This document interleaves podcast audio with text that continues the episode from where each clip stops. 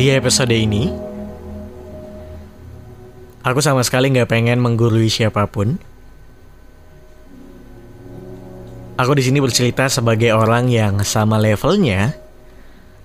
Kalau kamu mungkin lagi ngerasa sedih, ngerasa jatuh, ngerasa stuck, atau mungkin sebel sama diri kamu sendiri.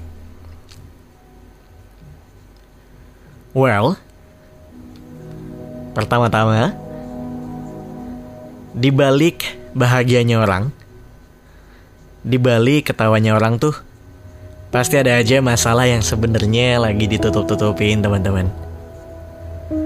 Entah itu orang tua yang lagi sakit, finansial yang mungkin lagi chaos, hubungan yang berantem mulu nggak selesai-selesai, skripsi yang sampai sekarang stuck di situ-situ aja,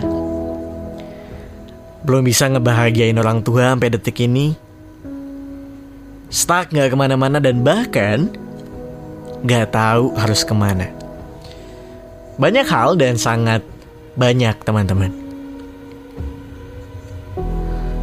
Bolak-balik, aku nyari tahu harus gimana kah supaya bisa tenang, harus gimana supaya bisa baik-baik aja dan gak cemas sama sekali. Ada yang efek, ada juga yang gak sama sekali. Sampai akhirnya, aku ngerasa ternyata kuncinya ada di dalam diri sendiri. Semuanya ada di dalam dirimu sendiri, teman-teman. Aku yang sampai sekarang belum lulus, belum wisuda-wisuda, pelan-pelan belajar buat ikhlas sama waktu yang udah disia-siain. Duit SPP yang entah udah berapa juta dikeluarin tapi, tapi tanpa ada progres sama sekali.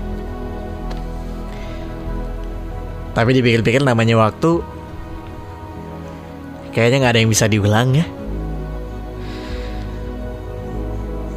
Cuma ikhlas Yang bisa dilakuin Dan begitu udah ikhlas Aku tarik nafas dalam-dalam sambil ngucapin Semangat ya Ke diri sendiri Dan gak tahu kenapa Rasanya jauh lebih kuat dibanding ucapan semangat dari siapa pun.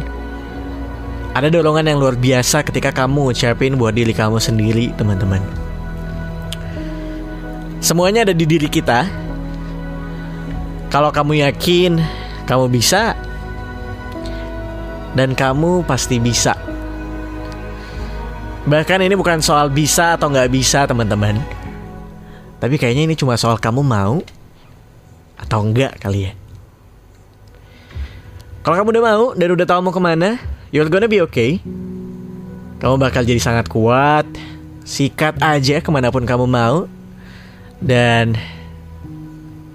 percaya aja, motivator terbaik adalah dirimu sendiri.